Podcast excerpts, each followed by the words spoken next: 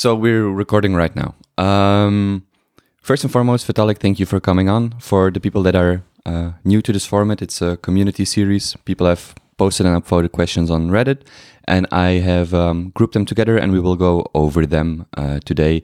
Um, thank you to everybody who submitted the questions. Um, I will say that I had to, I couldn't include all questions from everybody, but uh, I tried my best to group them together and uh, and and have as many questions answered as uh, possible. I will also recommend listeners and viewers to check Vitalik's latest or um, recent talks with Laura Shin, uh, with um, Eric from Into the Ether, and then I particularly liked his talk with Demetri from Hidden Forces and Tyler from Conversations with Tyler, and I will link to all of that. I'm mentioning this because many questions that were asked were actually answered in one of those uh, conversations, especially the two uh, the the two more recent ones. So let's just let's just dive in and get started. Sure. So Vitalik, can you, uh, as an introduction, can you share a little bit about the place where you're sitting right now? And the reason I'm asking this is that we're in this distributed world, and it's nice to get a feeling of where you are right now. Uh, sure. I'm just uh, with my family in Toronto right now. For people who have never heard about you, who are you and uh, what are your interests or what is your background? Um, I'm the founder of the Ethereum project. Before that, I was in what was then just the Bitcoin space for a few years. I co-founded a Bitcoin magazine and just generally interested in in all, all of the related things. And I did um, a lot of like software and programming related stuff, a lot of math, a lot of like, economics and philosophy, and just those kinds of things in general. What did you study, and how is that rev- relevant to what you're doing today? Um, so the in in university, I studied computer science for one year, but then I dropped out. I guess most of my learning has, like, especially recently, been just on my own from like talking to people and reading things on the internet. And if there's somebody, who, who would you go to for advice, or is there somebody you look up to if it's nobody, or if it's nobody in particular? I don't know. It depends. All right. Mhm. If oh, this is the last introductory question, but if people want to learn more about you, where where should they where should they go and and find out more about you? It depends. It depends what you want to know about me. I guess like a, a lot of the things I've written, mean, aside from like the Reddit and the and Twitter and so forth, and I have a blog at vitalik.ca and and uh, wrote a bunch of other things on Medium. Um, otherwise, yeah, I mean, it de- it depends what you want to know. Like the internet is a big place, and the internet has a lot of things. All right. Let's start with the first question from Reddit. Um, talking about Twitter. Um, you're incredibly gracious on Twitter. How do you manage to stay calm in the face of trolling, ignorance, and tribalism? Hmm. I don't. Mm, I don't know how to answer that well. Like it's. I guess you just like learn to get used to it after a few years of just deal dealing with it like head on all the time. All right. So just just um, by the way, these are I will start with some general questions. Then there are some questions on uh, Ethereum in general, and then some technical questions on Ethereum, and and that's how I group these questions. So Okay. um, just just so so you know. Another question: What do you think about the crypto space as a whole? Um, do you share the opinion that one day there will be one superior coin or blockchain, or is there enough space for different blockchains and technologies?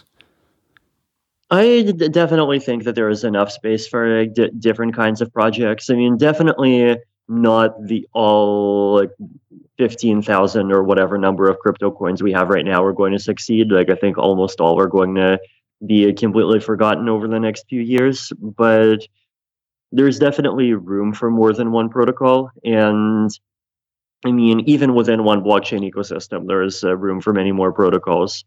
I think. Uh, one of the um, interesting things about having multiple uh, cryptocurrencies and like multiple blockchains is just the ability to explore and have different trade-offs inside of them. So, like for example, in the case of um, Ethereum, if you look at the approach uh, that we're taking in, for a proof of stake, it uh, tends to be fairly uh, emphasizes uh, things like uh, decentralization heavily. It emphasizes the ability to kind of run a node uh, very cheaply.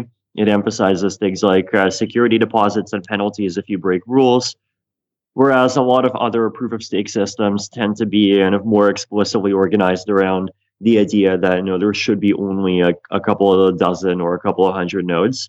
And like those kinds of systems can be faster and have faster block times but on the other hand they can fall into like centralization concerns much more easily.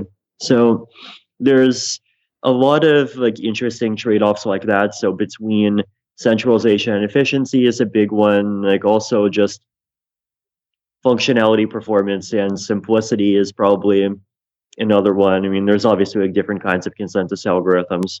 So just like as technical experiments and, and also as social experiments, if you start thinking about, you know, on-chain governance versus immutabilist governance versus like Vlad Zamfirian, whatever governance versus, you know, hmm. what, what other models you have, then I think like those things are interesting and it's uh, good that we can have uh, different communities try out different models. And I obviously have my own opinions about which of those experiments are likely to succeed. And I obviously use those opinions in at least the in the part of uh, of uh, designing the the Ethereum protocol that I do myself. So, but yeah, there's room for options. Yeah, I wanted to. The next question was about the relation between blockchain space and the real space. And this is this is the question I was asked. You and Glen, Glen Weyl, well, I don't know how to pronounce his last name correctly, but you and Glen say that the crypto community has great is a great testing ground for radical market ideas such as quadratic voting and Harberger taxes. Uh, blockchain projects are in need of better rules, and the communities are generally more receptive to trying out radical changes and games. If these are ideas are successful, how do you see them being transitions from the from the blockchain space into the quote real world unquote? And do you see do you foresee incumbents of the current system rejecting these ideas out out of fear of losing their own power and property? Yeah, so I guess like first of all, there like you don't need to exit the blockchain world to enter the real world. Like, like I personally hope that you know, like some of these like fancy Glen and mechanism design ideas you know, do uh, uh, end up really succeeding. But I also hope that uh, Ethereum and uh, blockchains end up really succeeding. And you know, if uh, both end up succeeding, then you know, why not kind of continue working with and building on top of each other? Um, in terms of like things that I see as being interesting experiments. Uh, and the Gitcoin CLR is one of those that I continue to be really interested in.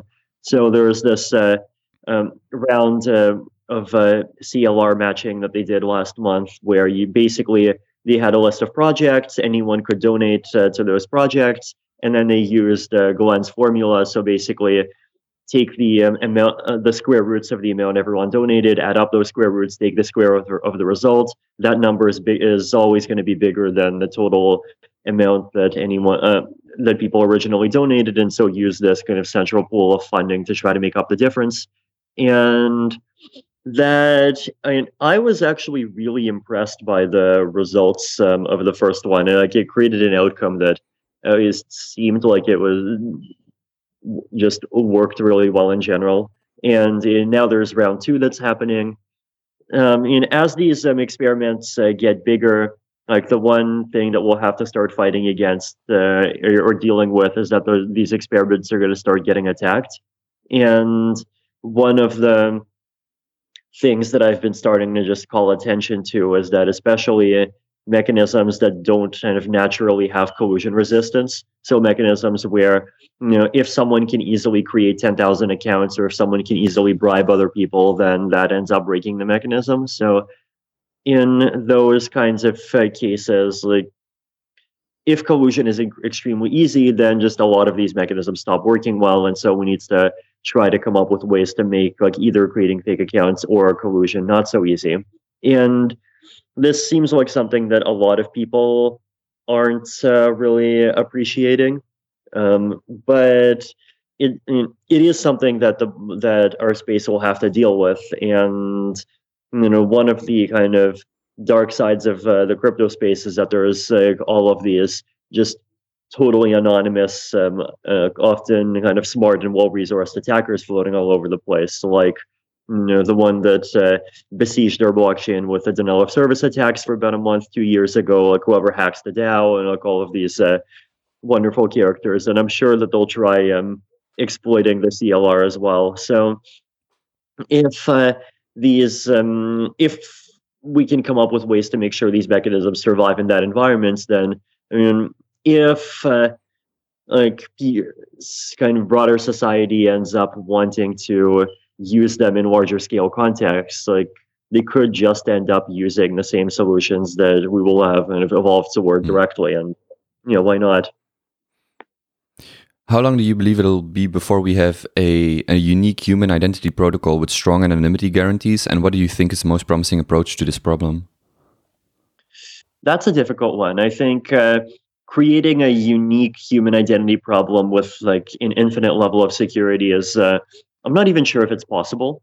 Um, basically, uh, because like even kind of government-based um, unique human identity programs, right? Like if you if we create an international standard for say like giving everyone like electronic passports that have digital signing capability as well what's going to happen well north korea is going to print 30 million of them and they're all going to be um, sitting in uh, Kim Jong Un's drawer, and he's he's just going to use all 30 million of those uh, passports and collude and uh, grab all of the CLR money, and North Korea becomes a world superpower. So that's um like it, it's quite difficult to like actually really robustly make these systems in a way that just can't be exploited in some way and potentially like as counterintuitive as it might seem to someone from like more traditional backgrounds, decentralized approaches, kind of if they work, might even work better than centralized ones.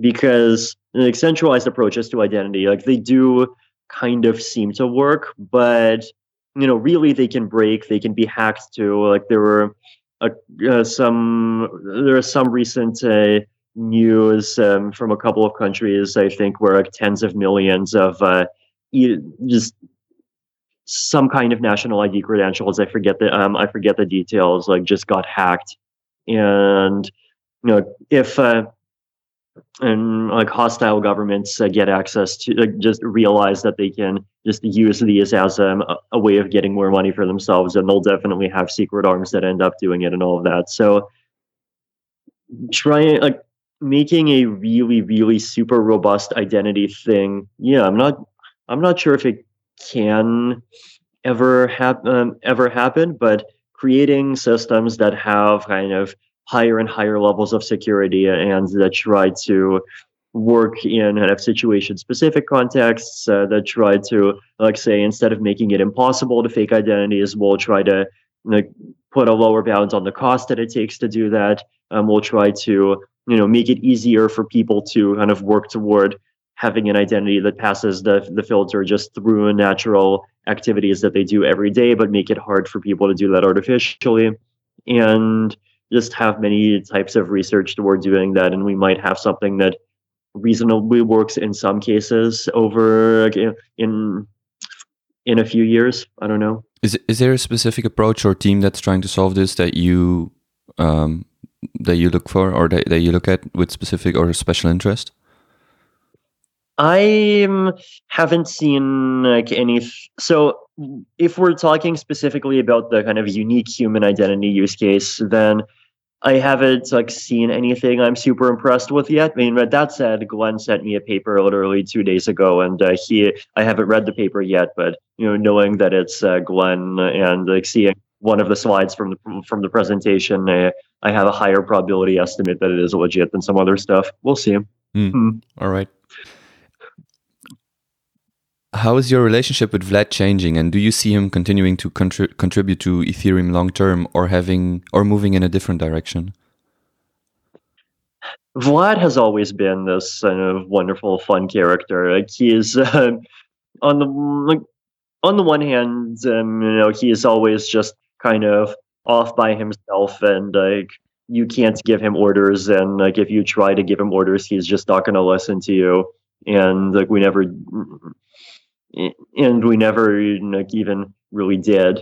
And on the other and you know he's going to just go off and do random things and sometimes those random things are things i agree with sometimes those random things are things i don't agree with. But on the other hand he's really he has made really significant contributions to ethereum uh, research. So like for example uh, C- casper cbc um, so Cas- like the vision of uh, casper cbc that vlad has like he has his own thing which is like you have Casper, and then you have his own CBC flavor of sharding, and then his own CBC flavor of shard load balancing, and all of those other mm-hmm. things.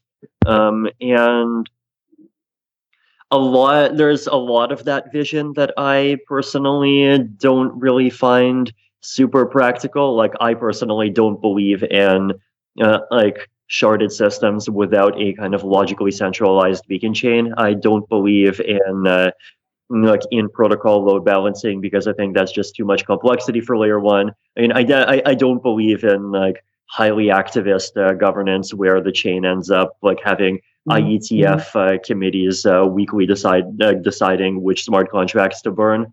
But at the same time, like Casper CBC, for example, is just brilliant, and it's like brilliant on a scale where I think it um, like it's a like multi-decade level improvement over like just the the, tra- the traditional academic BFT space in many ways, right? Like the idea, like I can't find any other algorithm that allows you to avoid having in protocol uh, fin- uh, kind of enshrined uh, finality thresholds that allows you to um, just kind of layer consensus um, um, on top of a majority driven fork choice rules so you can have the same mechanism kind of decide block by block what happens and the same mechanism finalize.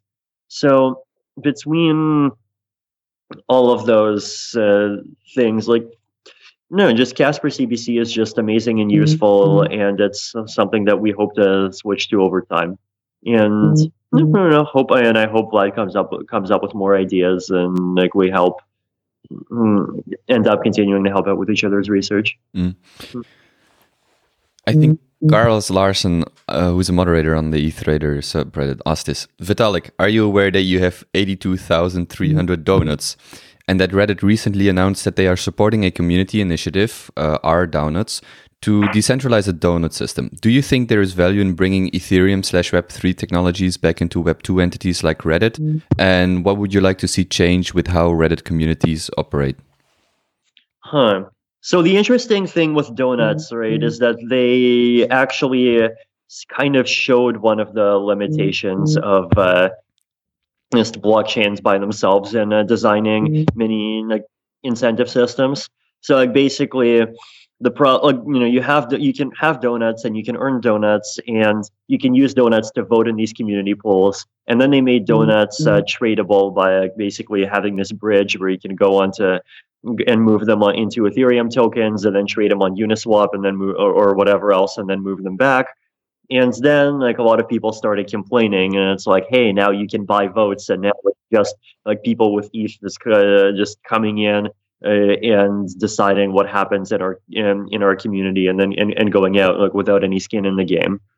And um, that like there's i saw that there were a lot of people just very unhappy about this. And i mean correct me if i'm wrong but they like ended up sus- like, suspending the convertibility to erc20 tokens. Yeah exactly exactly.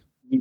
so now uh, i thought that was like a very interesting and kind of instructive experiment in many ways, right? Because, like, first of all, the like, donuts being kind of connected to the blockchain just sort of enabled them to be used in uh, so in so many different ways. Um, but on the um, on the other hand, like this goes back to some of these uh, kind of collusion resistance mm-hmm. issues that I'm actually in the process of writing a big uh, blog post about this. But basically, like if it becomes too easy to kind of prove to the outside world how you behaved in a system, then you can do things like bribing with smart contracts. You can do things like individuals just buying up a whole bunch of coins and then using them to make votes. You can just do like a whole bunch of uh, kind of behaviors um, appear that are um, actually much harder to guard against. Mm. Um, and like there's some there's um this results in uh, game in game theory. Like you know how sometimes when people talk about how you know, like politics is fundamentally broken, they mention Arrow's theorem. Like that's the theorem that says that you know like if there's a, a voting system with more with more than two voters and more than two Mm-hmm. outcomes or something like that, then there is no way to make one that's kind of fair in every way. I mean, um, if you like kind of go like it, it's a pretty common thing in sort of rationalist pop culture, but I actually think Arrow's, uh, Arrow's theorem is overrated. And the theorem that's underrated is that there's this result from cooperative game theory, which is this branch of game theory that like introduces the possibility that if div- multiple kind of subsets of agents can sort of collude with each other and, act, and kind of act as one subcoalition, and the result basically says that the core, well, the formal statement is that the core of the majority game is empty. And what that means is that if you have a game that's uh, some kind of, corresponds to some kind of majority rule system, then there is no stable outcome because whatever the outcome is, you can prove that there's always some group of 51% that can, like possibly some including like existing kind of privileged members, some inclu- including people outside of the current kind of ruling coalition that can just come together and where that 51% gains an advantage over the status quo from kind of overturning the system to a new status quo where they're at the top. And that just shows that like if collusion becomes this trivial, then uh, your ability to make a lot of mechanisms for a lot of uh, cool things just end up uh, breaking down. So that's so I think like if we will, uh, like I know there's just so much enthusiasm in uh, trying to make uh, these uh, mechanisms for mm, like social just some kind of point systems on top of social media like or the trader experiment is one? There's also this uh, uh, chinese uh, media thing called uh, bihu that's uh, that, that recently launched a similar thing and then there's just a bunch of others. And like i do worry that if they you know, design them in the in the wrong way then they'll of these uh, pro- problems will kind of just end up eating them and they'll just have to repeatedly solve them with kind of clutches of centralized moderation and uh, and that would be very sad. But you know if we can come up with a solution that works then that would just be really great. Yeah, from from my perspective, it was quite interesting to see how quickly the tokenization of the karma or the donuts, how quickly that led to discussions about advert buying the banner and then advertising, and just you, you just notice that implementing one thing technologically or a technical solution just introduced a whole bunch of other questions and to which there were no answers, and it was quite interesting to follow that from a from from a reader perspective and to see the the, the opinions and the motivations behind that. yeah. By the way i think the Harberger tax thing might be broken too. So like if um if i can, you just can you just uh, uh, explain to people quickly what, what that means in this context for people that don't know what the Harberger tax is? Oh, sorry, sorry. So ETH Trader has this mechanism called the well, they call it the hamburger tax, but it's an implementation of the Harberger tax, which is basically you have this uh, billboard at the top of uh, at the top of um, ETH Trader, right? And there's always a price that you can buy the billboard for. And if you buy the billboard at that price, then like that amount of money goes to the original owner, and then but then you have to set the price at which you're selling it. But whatever price you set it to, you have to pay one percent of that amount every day. So that kind of stops. You stops you from putting the price all the way up to close to infinity, and causes the billboard to just have to keep being on the market. So the way that I would attack this if I was more evil is I would um, gather up 150,000 donuts. I would buy the billboard. Um, then it would replace the contents of the billboard with like Bitcoin maximalist propaganda, and then it would set the price up to 250,000. And then people in the community would like basically have no choice but to buy it back to set the con- uh, to set the contents to something more Ethereum friendly, and I would walk away with a profit, and then I would just keep on doing this. But you would run out of donuts, right, to, to pay the tax?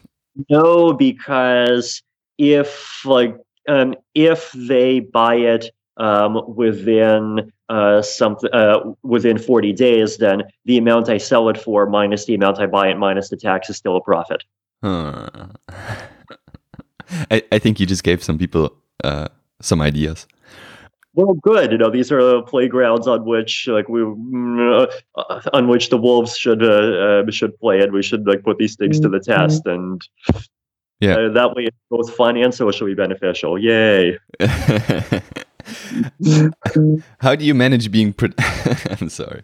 How do you manage being productive while having to attend talks and meetings all around the globe? As a person who trots the globe for work, I find it takes a lot of energy beyond the work to do to be effective. So I'm mm-hmm. curious how your routine is. Yeah, that's definitely a challenge, and it also depends a lot on like what area I'm trying to be productive in. So, like for example, if I'm in kind of research mode and I'm trying to just come up, come up with and uh, you know, develop ideas, then I find like just going around places and talking to different people can be a huge and uh, important source of inspiration. And um, if now if it's something like coding or writing articles, then you know I definitely want to be in one place. Although actually, no, for coding is different. So like with coding, if there's if I'm in the middle of coding something, then I can definitely easily like just take out my laptop, sit down on like in an Uber or bus or whatever for 19 minutes, do a, a code for 19 minutes, and then close it and, and, get 19 minutes productivity out of it. For writing, it's definitely not that easy, and no, no, writing is challenge is challenging. It's like sometimes you're in the flow, sometimes you're not in the flow, sometimes it's more complicated. So um, yeah, it depends. Like the other thing is that I find that my like productivity and by productivity here I don't actually mean like number of like lines of code or number of words I write because that's stupid. I mean like impact I have to improving, you know, the Ethereum blockchain and ecosystem and like wider society. It's um often the case that there's like periods of 20 minutes where I do more the useful things than I've done in the past three weeks. And there's periods where there's entire weeks where I feel like I've done nothing at all. And trying to kind of maximize those high productivity period like bursts and and minimize those other areas. Yeah, I don't know. I don't think I've fully figured it out yet.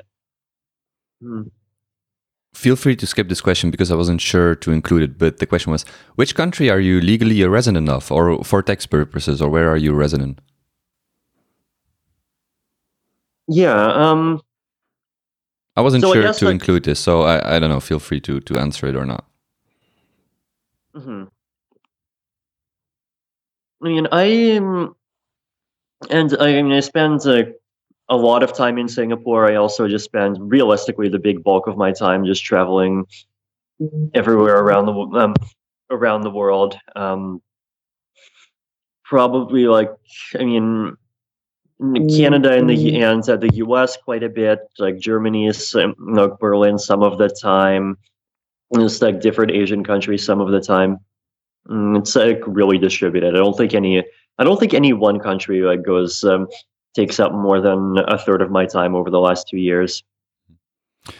Switching over to general Ethereum questions. Um, over a year ago, you suggested that prices had outpaced development, but I'm curious if your opinion has changed given the current prices and the latest developments.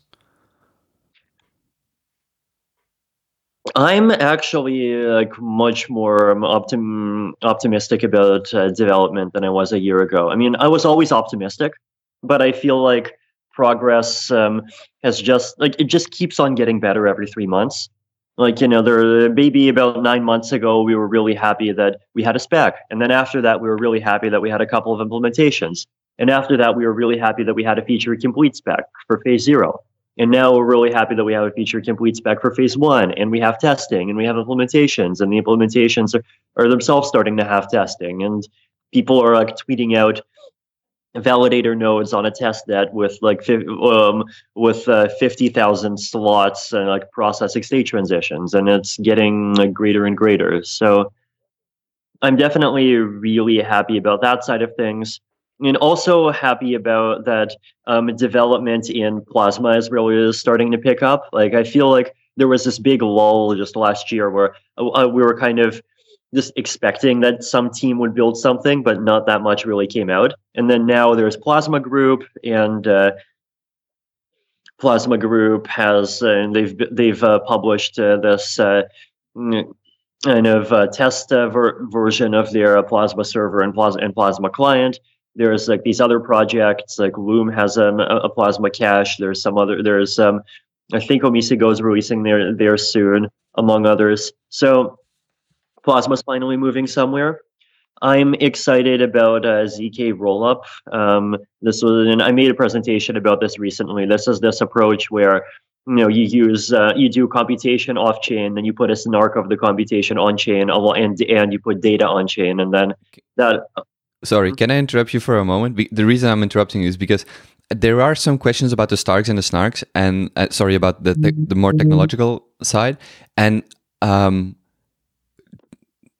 um, and and I would, and if it's okay for you, I, I stick to these questions now and ask them later, so that it's easier for people, the people that are just going to follow or just going to tune in for a few questions, so that they have their answers there, and so that I have to avoid asking you duplicate questions later on. Is that okay for you? Mm-hmm. so, but would you would you say that that earlier prices outpaced development, and this has reversed right now, so that that development just keeps on going, and the prices are are lacking behind? And development's definitely keeping on going, and like prices are definitely flat. So, hmm. and we'll we'll see how it goes from here. It's really interesting. Hmm. Almost 18 months after the ICO, Euphoria, which in your opinion, which in your opinion are the successful examples of DApps, utility tokens, and so as it comes to real adoption? I mean, in terms of like things that people are using, like Maker, Augur, and Uniswap are kind of seem to kind of clearly be the top three in like a lot of people's minds. I think like people are trade doing making trades on Augur. People are using Dai. I mean, Uniswap is uh, being used for exchanging all sorts of things. Um, are you still worried about MakerDAO? I or worried might not be the word you use, but I remember seeing a tweet of you where, of yours where you mentioned some concerns. I was I was worried about the fact that there was two million ETH locked up in this thing, and like, hmm, when was the last time we had more than two million ETH locked up in a smart contract?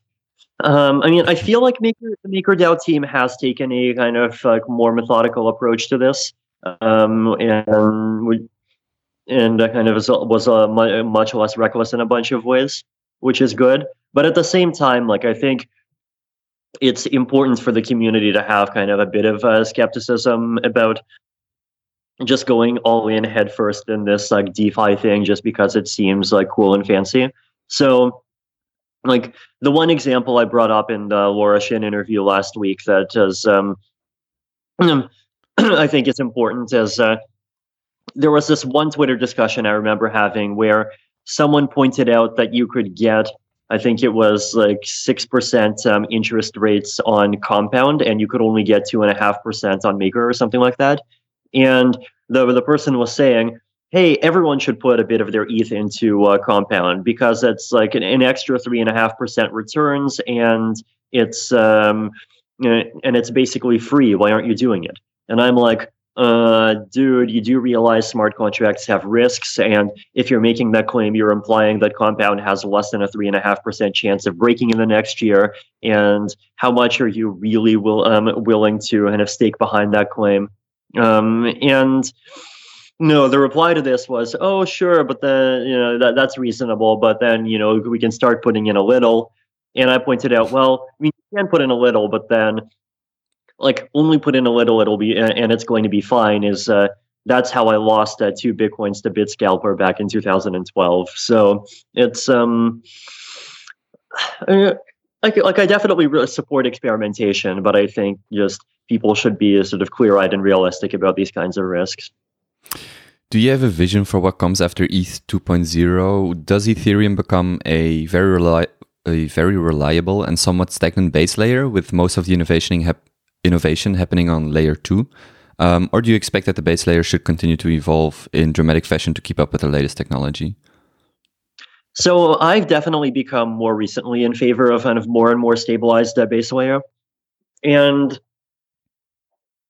maybe like earlier on, and we had these plans that oh we have ethereum 2.0 that does quadratic sharding ethereum 3.0 would do super quadratic sharding it would be it's like even more complicated and even more fancy and i feel like more recently that's um like what's uh, what's changed in my thinking is that like i do believe that we'll have ethereum like 2.x or 3.0 or whatever but it'll be more kind of incremental and marginal. So adding Starks for security, for example, adding data availability proofs, um, adding post quantum security, like just adding more, um, more and more kind of security upgrades over time.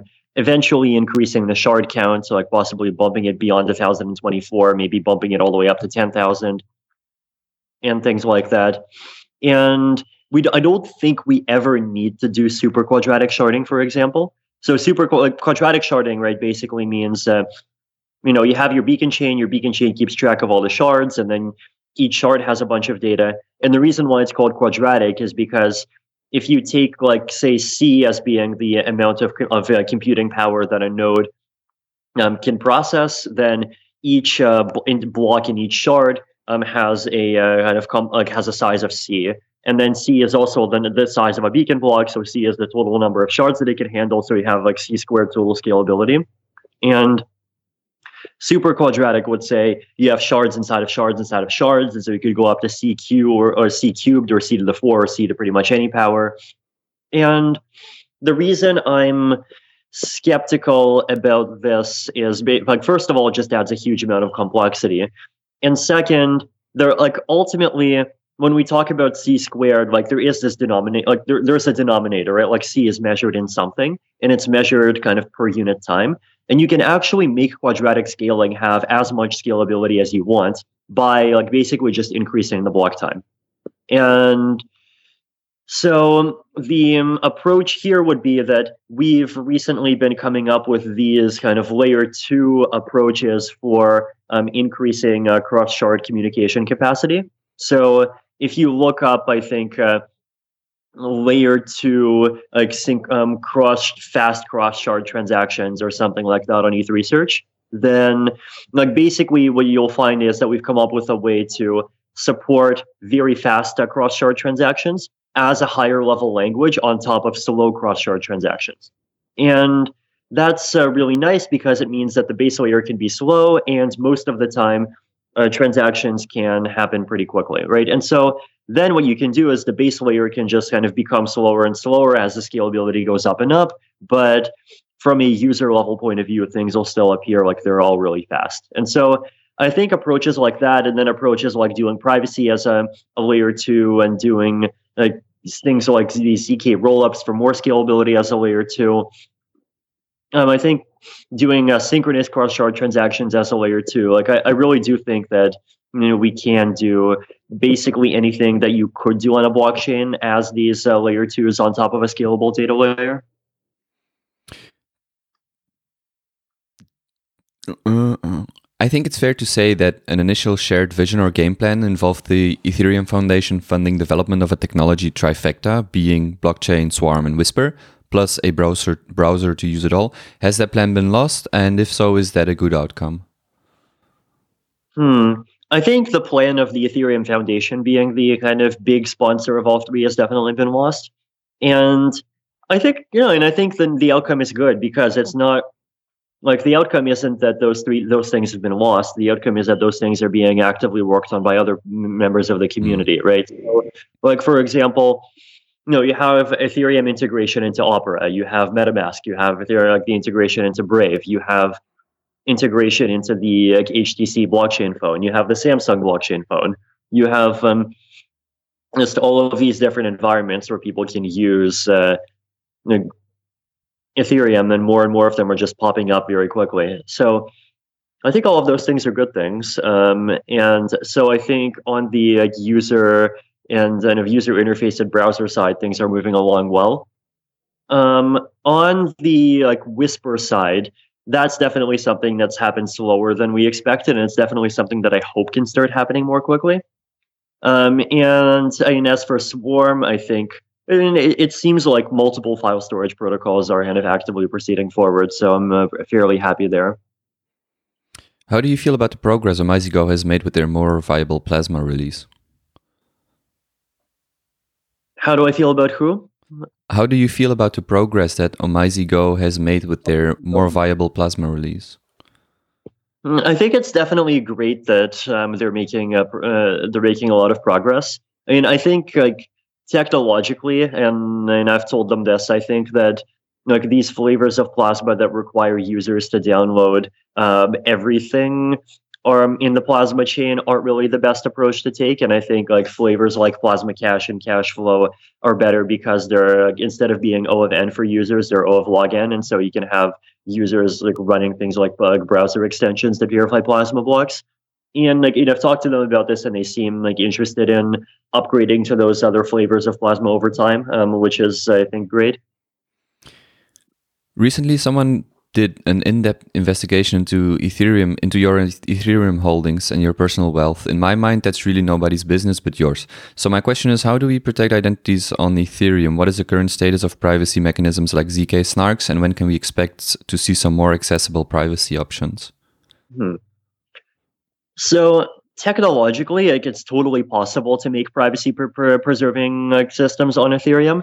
The main obstacle to them actually being privacy preserving that I see so far is that there's this really subtle issue in the Ethereum blockchain that because you need to have Ether to pay a gas for uh, transactions, you need to like basically the transaction that includes the cryptographic zero knowledge proof that lets you claim ether that you put into one of these privacy preserving mixing systems like that itself like basically links your output to ether that you already had in the clear and that itself like just de-anonymizes you. So this is something that account abstraction is definitely going to fix and it's something that we could theoretically fix with a layer 2 network as well. It just hasn't been done yet but i definitely encourage people working on it. Know, aside from just privacy of money, the other big reason why I support people working on it is that there's a lot of just even non-financial applications on Ethereum, and like you don't want a person every single piece of a person's activity to be linked to every other piece of a person's activity. And so I think the best default would be as if people just by default automatically use a different account for for each application that they log into.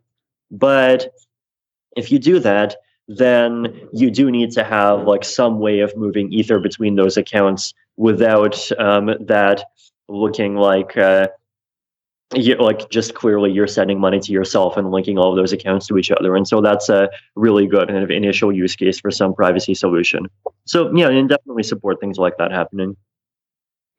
There's a lot of talk about the quote unquote failures of Ethereum governance from some in the community, but what do you see as the primary advantages of Ethereum's somewhat unique governance structure, and what role can or should the broader community of non developers play in this structure? Yeah, and I honestly don't think that it's failed. Like that's yeah, it, it's, like, it's a loaded question, or it's a it, it is it makes certain assumptions. I, I'd say I'd guess. Yeah, like I think if you look at kind of outcomes that people in the community broadly wanted, so like for example, technical upgrades, Frontier to Homestead, um, Homestead to Mitra to Byzantium, Byzantium to Constantinople, they all happened. Um, in those times when kind of centralization and, ra- and like rapid development was needed because there were security emergencies like the DOS attacks um, about two and a half years ago, the community came together. It happened. Hard forks were successfully rolled out in three to six days. The issuance reduction from five to three was successfully done. The um, issuance reduction from uh, three to two was uh, successfully done. So, and like Serenity and ETH 2.0 are moving forward. ETH 1.x is moving forward, uh, and ProgPow is in moving forward slowly, but it's def- but you know it's definitely in inching forward, and there's audits happening. So, in terms of like outcomes that the that the at least as far as I can tell, the majority of the community is like bro- is uh, broadly aligned and, and, wants to see happen. They've happened, and I guess like ultimately, like in the long run, performance is um, you know, like the best uh, the best judge of a uh, of a governance system. Because if it doesn't perform, then like what's the point? And everyone who's not ideological will end up migrating to systems that do perform better, and that's um, yeah, so I feel like I've done pretty well, uh, pr- uh, pretty well on that front. Um, in terms of things that I think are still like not perfect, I think the main challenge right now is that you know there are these kind like there are these uh, kind of wedge issues that just where the main kind of failure mode seems to be that they can just cause the participants of um, the governance process to just lose a lot of time bike shedding. And like if you read the all uh, look at the all core devs calls, just ProgPow off that ends up taking half an hour every call, mm. and then there's this like fund recovery stuff that just keeps on like popping up in almost the same format once every couple of months, and, there's just issues that kind of keep on you know repeating ad nauseum in certain way, in ways, and that and that clearly takes the I mean it takes a lot of load on on, on people, and part of the reason why seems to be that there aren't uh, kind of sources of pulling the community's input that people kind of trust and be, and there is common knowledge that they're legitimate. So, like for example, you know, right now you have uh, carbon votes, you have votes on GitHub with like thumbs up and thumbs down, you have votes on Reddit, you have votes on ETH Trader, and like I personally do take those signals seriously, especially when there's multiple signals that say the same thing. Um, so like for example, I one of the things I found interesting is that there was this uh, recent uh, poll on um, inflation funding, and like it was really preliminary, and only ninety people participated, but there was a bunch of people in favor of it, and there, like I didn't see kind of strong condemnation in the same way that I saw strong condemnation of, say, like EIP 867, like that uh, general purpose fund recovery one. And so I think, so I found that, in, um, and I found that interesting because you might not have guessed that people who are against fund recovery might still be in favor of inflation funding. But hey, it turns out that's like the, the way a lot of people are. Uh, so that, like, I think uh, just coming up with uh, ways of uh, kind of measuring the community better that aren't just like votes where a few rich people vote or Reddit votes where pretty much anyone can come in and vote, and are, are things that could be really useful. Like even the ETH trader uh, polls, I think are interesting because of how they're uh, kind of governed by donuts, and and so you have to be a kind of actual participant of the community in order to uh, uh, be able to um, have a, a, a vote that makes a big difference. So more experiments like that. I mean, one uh, kind of experiment that I've been in favor of recently is I think people should just kind of independently try to come up with lists of like either GitHub accounts or Ethereum addresses or something that correspond that likely corresponds to unique humans that are active members of the Ethereum community with uh, kind of some level of security. So, and uh, Jeff Coleman recently made the suggestion, and I retweeted it, and then he retweeted me retweeting him, which was uh, wonderful. Um, and the idea behind that is that then once you have those lists, you can use them as a kind of higher security source of input for things like CLRs, for uh, community polls, for quadratic votes, for just all for all sorts of different kinds of votes, and that might be an improvement over you know both kind of carbon votes that just favor rich people versus um, kind of Reddit votes that can get brigaded really easily. But then those things are in favor like are problematic too because if you start making judgments about you know who's part of a community, then that itself is this like horribly subjective um, exercise that's incredibly prone to bias and might fail in different ways. But like I'm generally of the view that kind of having more indicators is better than having fewer indicators. As we begin to possibly enter a more robust multi chain world, what do you believe is the unique value proposition of Ethereum in comparison to the value propositions articulated by many competing chains, often focused upon scalability, interoperability, on chain governance, on governance, etc.? Yeah, so I think Ethereum does have an um, opportunity to like uh, to continue to position itself uh, very uniquely um, in in the space. And, and I mentioned some of this briefly when I had that interview with um, Eric Conner from uh, ETH Hub um, last week. But the basic idea is right that you have all of these other chains that are going in this uh, on-chain governance and on-chain voting, um, and like highly activist level layer one fund recovery, you know, like blockchain central nervous system, whatever, whatever direction and like those things have some advantages but i think ethereum should you like f- avoid falling into the trap of trying to compete with those things. Even though those things do have their genuine fans i actually would favor the ethereum community just explicitly saying no we're not doing that. And instead go in this direction of kind of relatively like at, least post kind of 2.0 and after 2.0 itself is rolled out valuing more more conservatism um, this more uh, kind of decentralization and more kind of technical decentralization more of this kind of distributed approach to governance um, more of uh, this uh, approach to you know doing things only if they kind of satisfy like multiple uh, kind of, uh, communities of stakeholders and um, things like that. So like basically just like be kind of going in like in having kind of some similarities to how Bitcoin governance works, but definitely not going all the way in that um, in that direction. Um, so, like in terms of decentralization, for example, one of the kind of differences that I've noticed is that a lot of the proof of stake chains that I see, like that I see launching so far, they tend to kind of take the easy route where they say, oh, we're only going to have 20 nodes or we're only going to have 100 or 500 nodes. And then we're going to have this model where we're assuming everyone is part of a stake pool.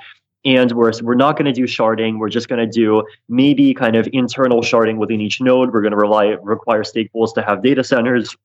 And we're going to try to do a proof of stake like, like that. And on the one hand, that has genuine kind of speed benefits. So that allows you to have latencies of one second. It allows you to process um, transactions per second without doing the hard work of figuring out how to shard anything.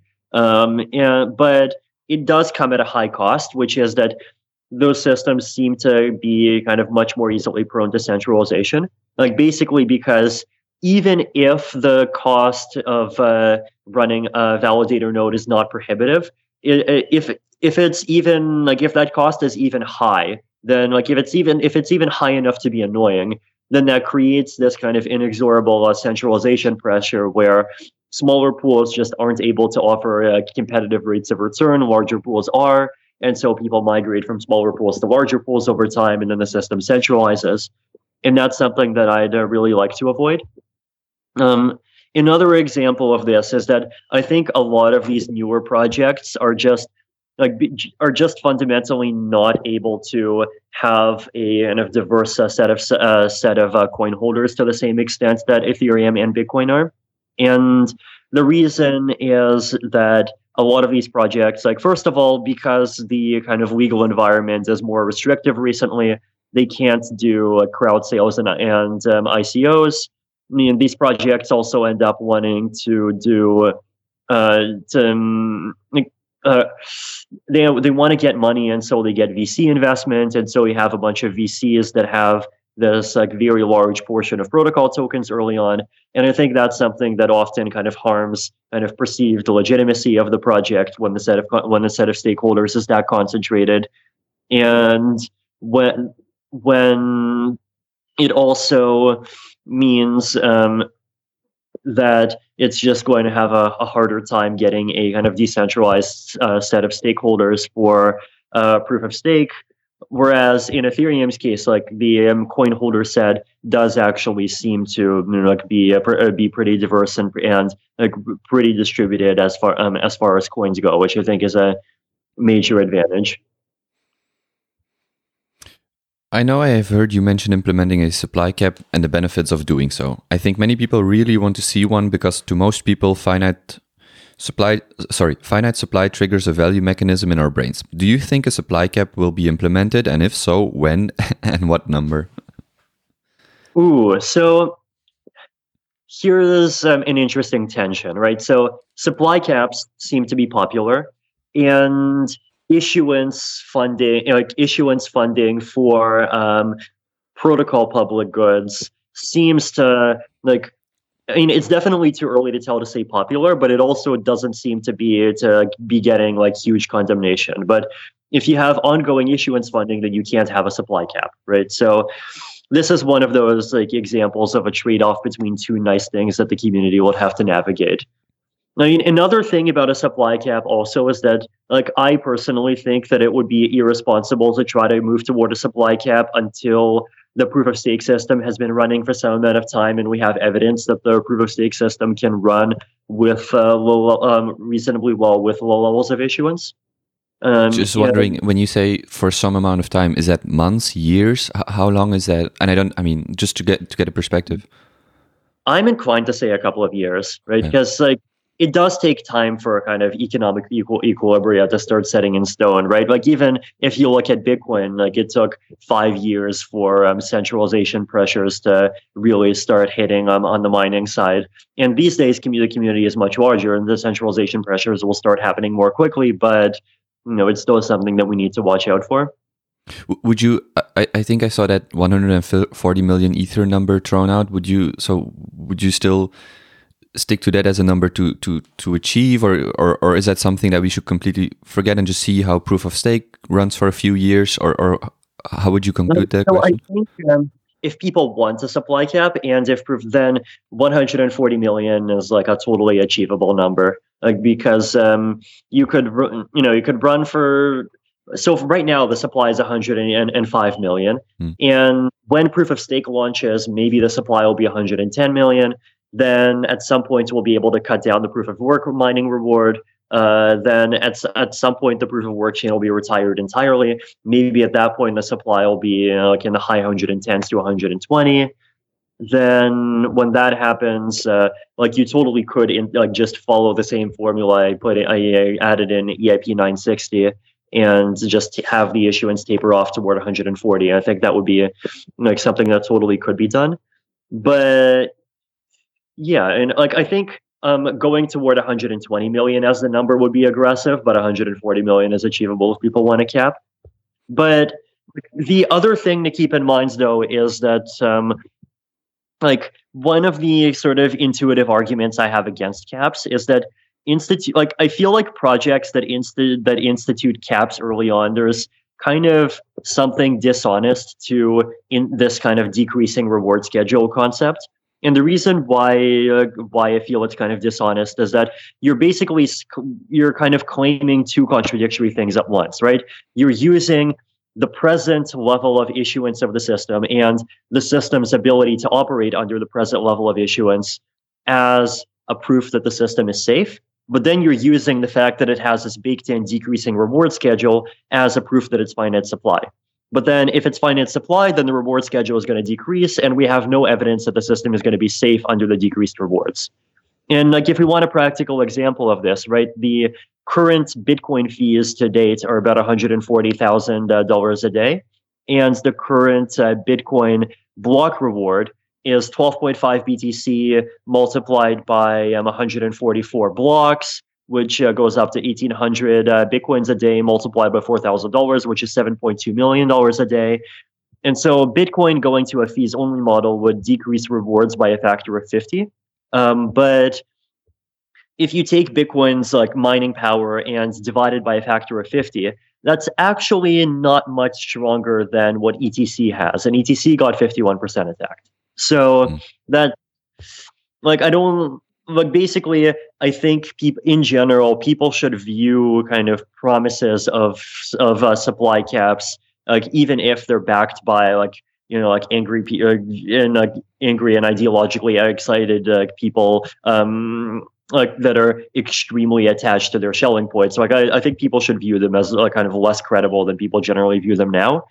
But at the same time, there is also this argument that proof of stake can can achieve the same level of security uh, much more cheaply than proof of work. And so maybe you know, like even though proof of proof of, even if proof of work with a with a supply cap can't work, proof of stake with a supply cap can work. And if he wants to do the numbers on that, right? The um, Ethereum's uh, current uh, transaction fees per day are something like uh, I think it was 500 ether. So if you take 500 ether a day multiplied by 365 days a year, you get 180,000 ether every year. And 180,000 ether every year basically means like maybe 0.15, like the equivalent of 0.15% uh, annual issuance.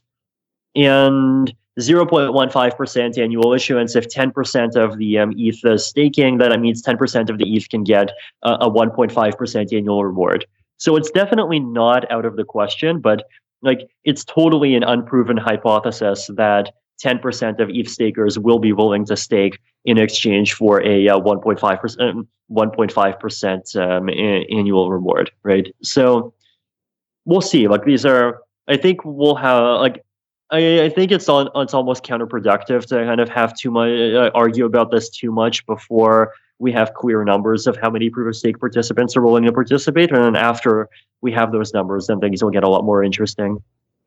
Some more technical questions. You've been thinking about on chain randomness for a long time, from RANDAO around 2016 to now verifiable delay functions and threshold signatures.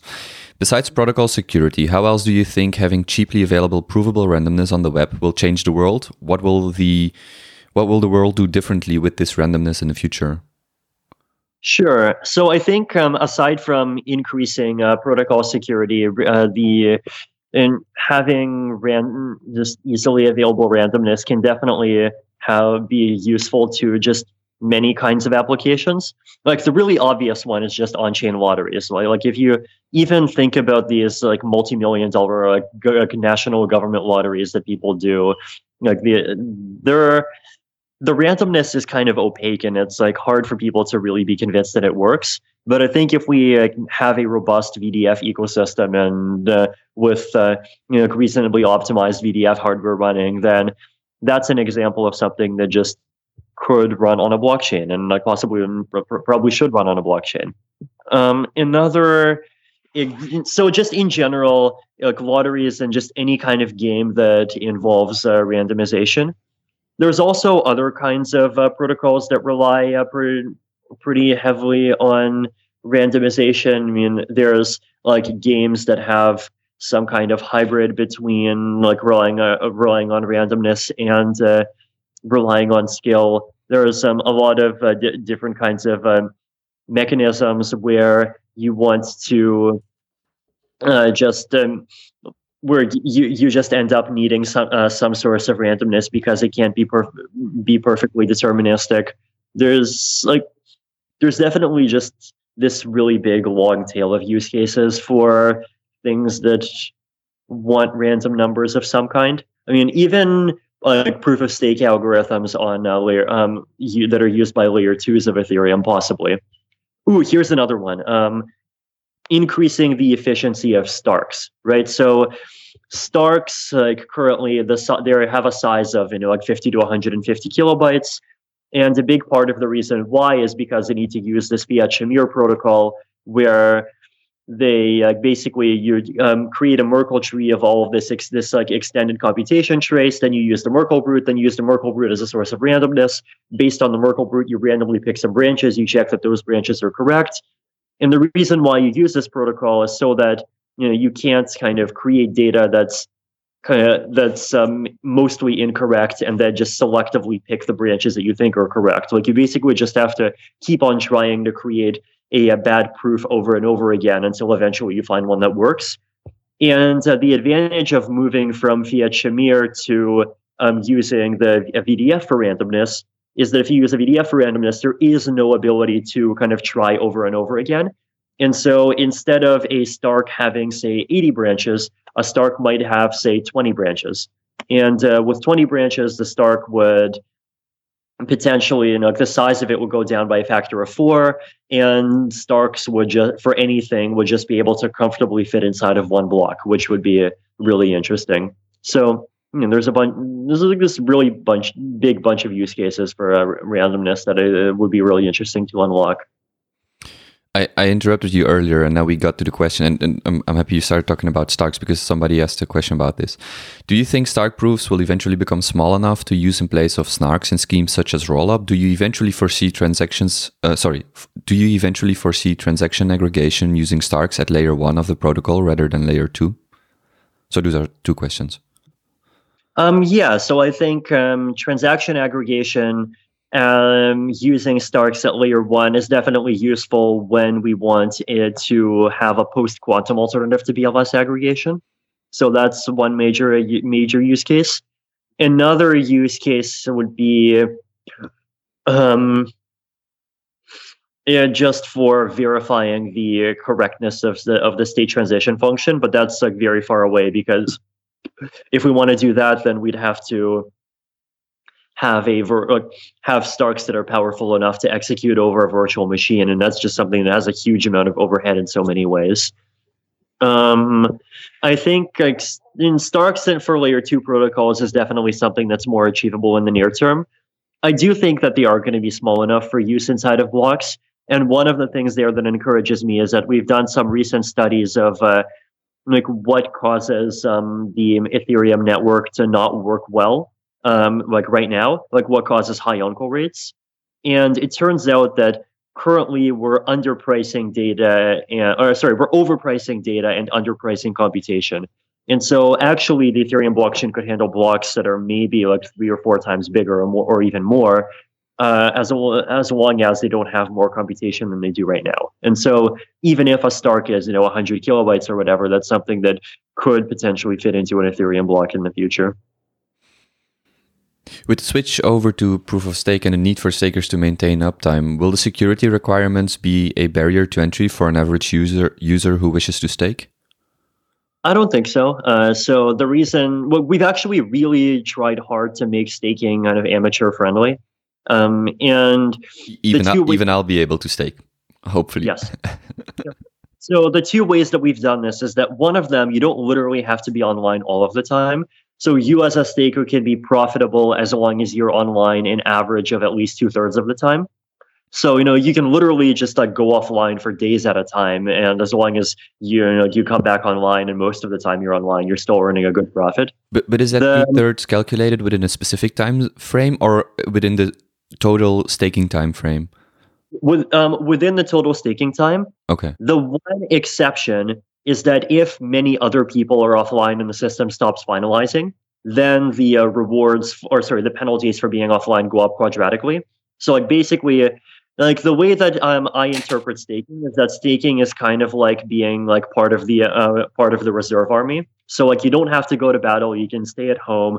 But you know if a war happens, then you know yes you, you get drafted and you, and you have to go to the field. But normally wars don't happen. So it's like that kind of relationship where if an emergency happens, you have to really make sure that you're online to be able to kind of defend against it. But otherwise, you know, eh, online two thirds of the time, whatever, and and uh, you'll be okay.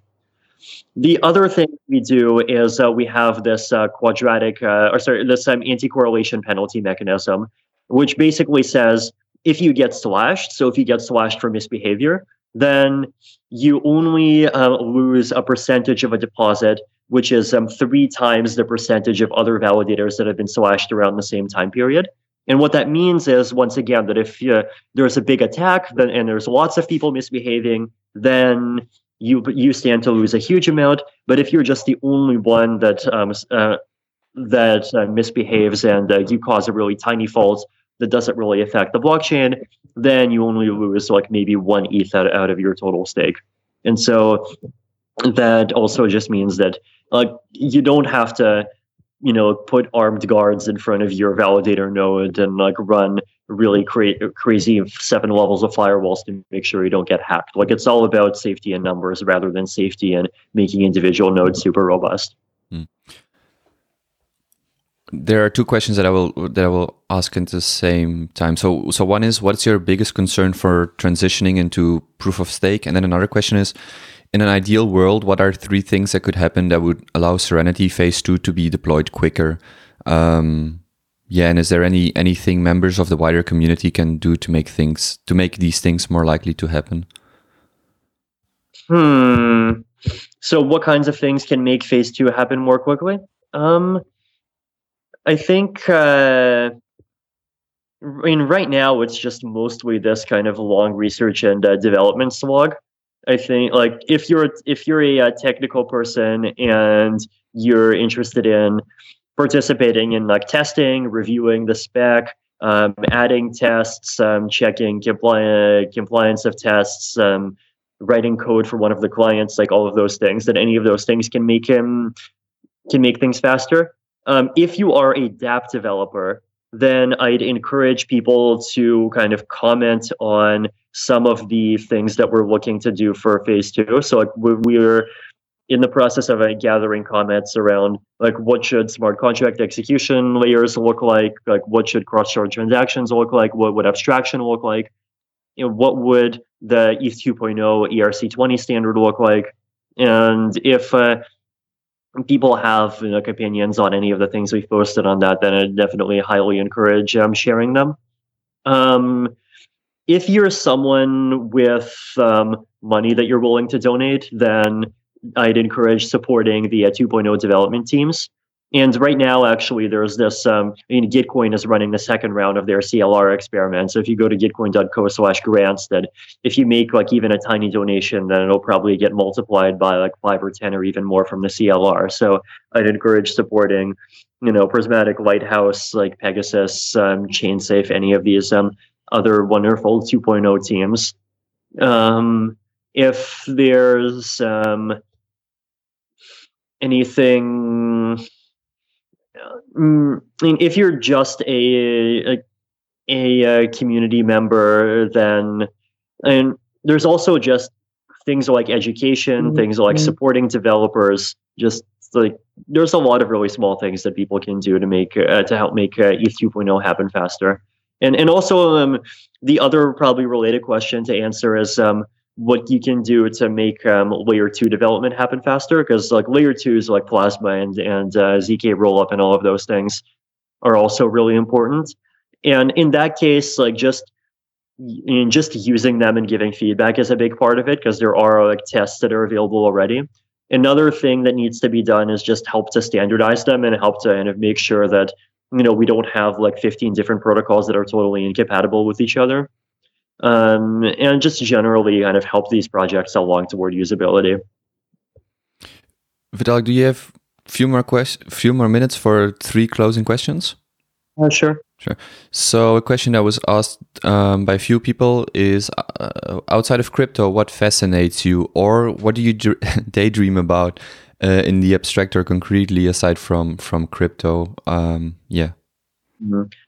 I guess some uh, out of my like bigger interests, and one obviously is that I follow and of Glen Weyl's radical like mechanism design stuff uh, pretty closely, and I find that interesting. And and like the economic space and and also this like rationalist uh, space in general. Um, longevity and like longe- and anti-aging research, I, care about that a lot as uh, and you can probably tell. Um, I wonder, by the way, is that is that something that came from the Peter Thiel influence, or was that prior to that? Or, or no, no, I actually read Aubrey's book when I was uh, thirteen, so I've been a huge fan of him since mm. like before I realized that I would ever have the ability to do anything about it. Mm. How much do you actually work a week? Was a question. That's like honestly impossible to calculate because I'm not even sure what counts as work and what doesn't. What book strongly shaped your worldview? Mm, honestly, like more recently, I've been doing books less. I guess um, I've been doing just reading things on the internet more. And in that case, just like the entire Slate Star Codex blog is probably a big one. Like, there's just so much stuff there. You can basically think of it as like a book, or it's probably even a trilogy at this point. And, that, uh, I think that ended up uh, influencing my thinking a lot. I mean, like obviously, radical markets and like the other things that Glen have written, um, just econ- and economics and cryptography textbooks. I end up like that's. I mean, it's sometimes that's just like learning technical things, but then sometimes, like especially on the economic side, like you learn a kind of mathematically formal version of like important real world insights as well. Um, also, like just various things written by blogs by you know like the, the various different people I uh, and intellectuals I end up following. You know whether that ooh um Robin Hanson and his uh, work on signaling is an is another sig- um, significant one that's kind of helped me understand how like basically how com- like, how communities and, and how like discussion just ends up failing and and not leading to the best outcomes sometimes. Is his blog mel- melting asphalt? Is that his or is that no? Robin Hanson is over is overcoming bias. Okay, mm. but because I, I, I read The Elephant in the Brain, which I would recommend everybody, but I was wondering, Hanson's or Simler's uh, blog, one of them has has anyway. Sorry, didn't want to interrupt, but there was a good blog to to refer to, but I can't remember. Mm-hmm. What what do you do to relax when you're not working, and do you have a favorite T-shirt? Hmm. I mean, I like going on walks. I uh, try to do that as much as I can. Um, do I have a favorite T-shirt? Hmm. Maybe, uh, and I like in like either the like alpaca corn or the buffalo corn or like one of those unicorn ones. Hmm. Last question: Where do you see yourself in ten years' time, and do you ever think about early retirement? Hmm. retirement, definitely not. I I don't know where I'll be in ten years' time. Like, I mean, there's definitely times when I feel like I would just, you know, I get tired and I want to kind of go away, but then I realize that, like, and first of all, that would just be a like such a a bit a big loss in many ways, but also it's like I would get bored in three weeks and would want to come back in some form. Is there anything you would like to mention or some clo closing thoughts to the people listening to this, um, which will be mostly ETH trade people on ETH Trader? Anything you we didn't talk about or you would like to say? Hmm. I don't know. I mean, just like keep being a great community. Hmm. All right, then Vitalik, thank you very much for uh, answering the questions and uh, good luck with everything you do. And uh, I think many people on ETH Trader will be uh, on the front lines seeing where this all leads to. So thank you very much. Thank you.